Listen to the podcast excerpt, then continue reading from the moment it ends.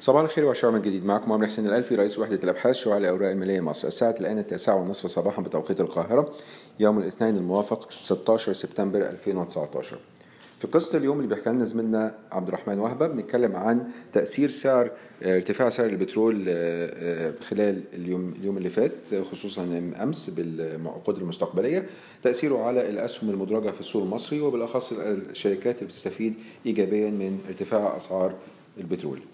بداية اللي حصل طبعا سريعا كده كان في حادث يعتبر إرهابي على مضخات أو أو معامل البترول بتاعت شركة أرامكو. طبعا الشركة الحكومية السعودية اللي هي بتملك تقريبا الأبار كلها بتاعت السعودية.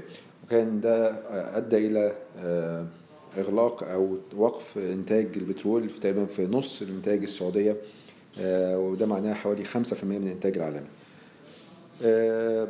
ده معناه إيه؟ ده معناه طبعا إن في supply هيقل أو حجم معروض من البترول هيقل في العالم فبالتالي ده بيؤدي إلى ارتفاع سعر البترول، شفنا أسعار العقود المستقبلية خلال بداية اليوم النهاردة كان ارتفعت أو أمس بالليل ارتفعت لحوالي 19% عدت البرنت عدى 70 دولار ولكن في خلال الكام ساعة الماضية ابتدى الأسعار البترول انخفض نسبيا ولكن ما زال بيلف حوالين ال 65 دولار للبرميل الواحد. الفكرة كلها إن هو لو هيبقى الموضوع ده مؤقت وهي سعر لما ضخ البترول هيرجع تاني في خلال الأسبوع دوت يبقى ارتفاع البترول دوت هيبقى ارتفاع مؤقت. لو كان تأثيره كمان على الوضع الأمني في المنطقة أو جيوسياسي إن ممكن يبقى في احتمال إن ده يتم اتهام إيران بضلوعها في حاجة زي كده. ده ممكن يخلي في احتمالات إن يبقى في إجراء عسكري من أمريكا ضد إيران وده ممكن يلقي بظلاله السلبية طبعا على الوضع الجيوسياسي في المنطقة. ولكن عشان إحنا داخلين سنة انتخابات بالنسبة لترامب في أمريكا السنة الجاية إن شاء الله. اتخيل إن هو هيبقى ده يعتبر ضغط على إيران أكتر منه يبقى في إجراء عسكري يتم اتخاذه. بغض النظر عن الإجراء العسكري بنتكلم على حجم البترول اللي هيتم ضخه مرة أخرى. وانس إن هو يبتدي يبقى فيه ضخ ده هنلاقي إن هو سعر البترول بينخفض مرة أخرى. فالاسهم اللي بتتأثر ايجابيا بارتفاع سعر البترول إحنا بنركز على ثلاثة أسهم أساسية اسكندرية الزيوت المعدنية أموك القلعة طبعا القبضة وسيدي كرير للبتروكيماويات بالنسبة لأموك زي ما مكتوب في التقرير النهاردة بنتكلم إن هي عندها exposure مباشر طبعا بأسعار البترول ولكن لأن أسعار طبعا benchmark للبترول. ولكن إحنا ال benefit بتاعها دوت ممكن ما يبقاش benefit كبير قوي لأن هو في برضو بيعتمد على ال quality بتاعه المنتج بتاعها لأن إحنا داخلين على تطبيق معايير مهمة عالمية هيتم يعني الاهتمام بانخفاض مستوى الكبريت في في المنتج النهائي بتاع أموك فبالتالي ده ممكن يأثر بالسلب عليها ولكن على الشورت تيرم طبعا ارتفاع أسعار البترول هيبقى إيجابي ليها. الحاجة التانية بالنسبة للقلعة القلعة طبعا عندها حصة حوالي 13% في المصرية للتكرير ده طبعا الجزء الأكبر من قيمة القلعة دلوقتي يعتبر جاي من الشركة ديت اللي ابتدت إنتاجها بالفعل. طبعا ارتفاع أسعار البترول هيبقى إيجابي ليها. ولكن ال concern بتاعنا بالنسبة للقلعة ان هو لو حصل أي انخفاض في ملكية القلعة في المصرية التكرير زي ما شفنا في الآونة الأخيرة لما انخفضت من مستوى كانت تقريبا 17% ل 13% فده ممكن يكون ال risk الأساسي بتاعنا.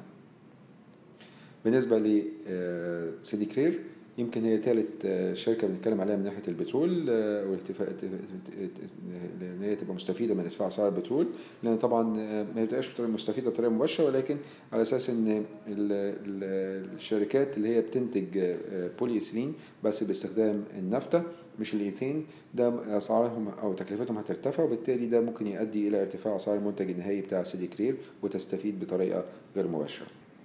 يعني المحصلة النهائية إن الشركات دي ممكن أو اسهمها تستفيد على المدى القصير بارتفاع أسعار البترول ولكن عندنا في بعض العوامل اللي ممكن تخلي ارتفاع أو التأثير الإيجابي على الأسهم ما يكونش كبير وخصوصا عامل آخر إحنا بنبص عليه وهو ارتفاع سعر الجنيه قصاد الدولار أو انخفاض قيمة الدولار لأن طبعا دي شركات بتنتج منتجات ليها علاقة بأسعار التصدير والبترول والأسعار العالمية فبالتالي أي انخفاض في سعر الدولار قصاد الجنيه ده بيبقى سلبي على الشركات. فملخص إن إحنا شايفين أي ارتفاع في هذه الأسهم نتيجة ارتفاع اسعار البترول في اليومين اللي فاتوا دولت أو اليوم اللي فات ده بيبقى ده يعتبر فرصة الواحد يعمل trade فيها وإن هو يخفف ال position بتاعه لو كان اشترى امبارح.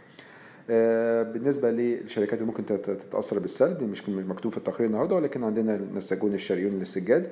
طبعا لأن ارتفاع الأسعار البترول بتبقى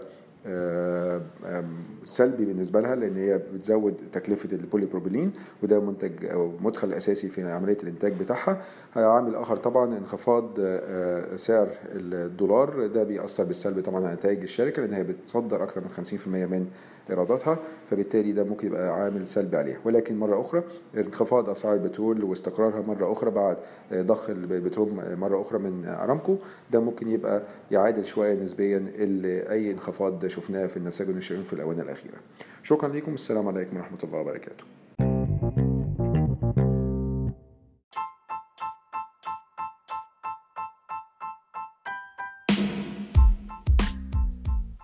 إن هذا الملخص الصوتي هو لأغراض المعرفة فقط ولا يمكن اعتباره عرض شراء أو بيع أو إدارة استثمارات أو خدمات استشارية.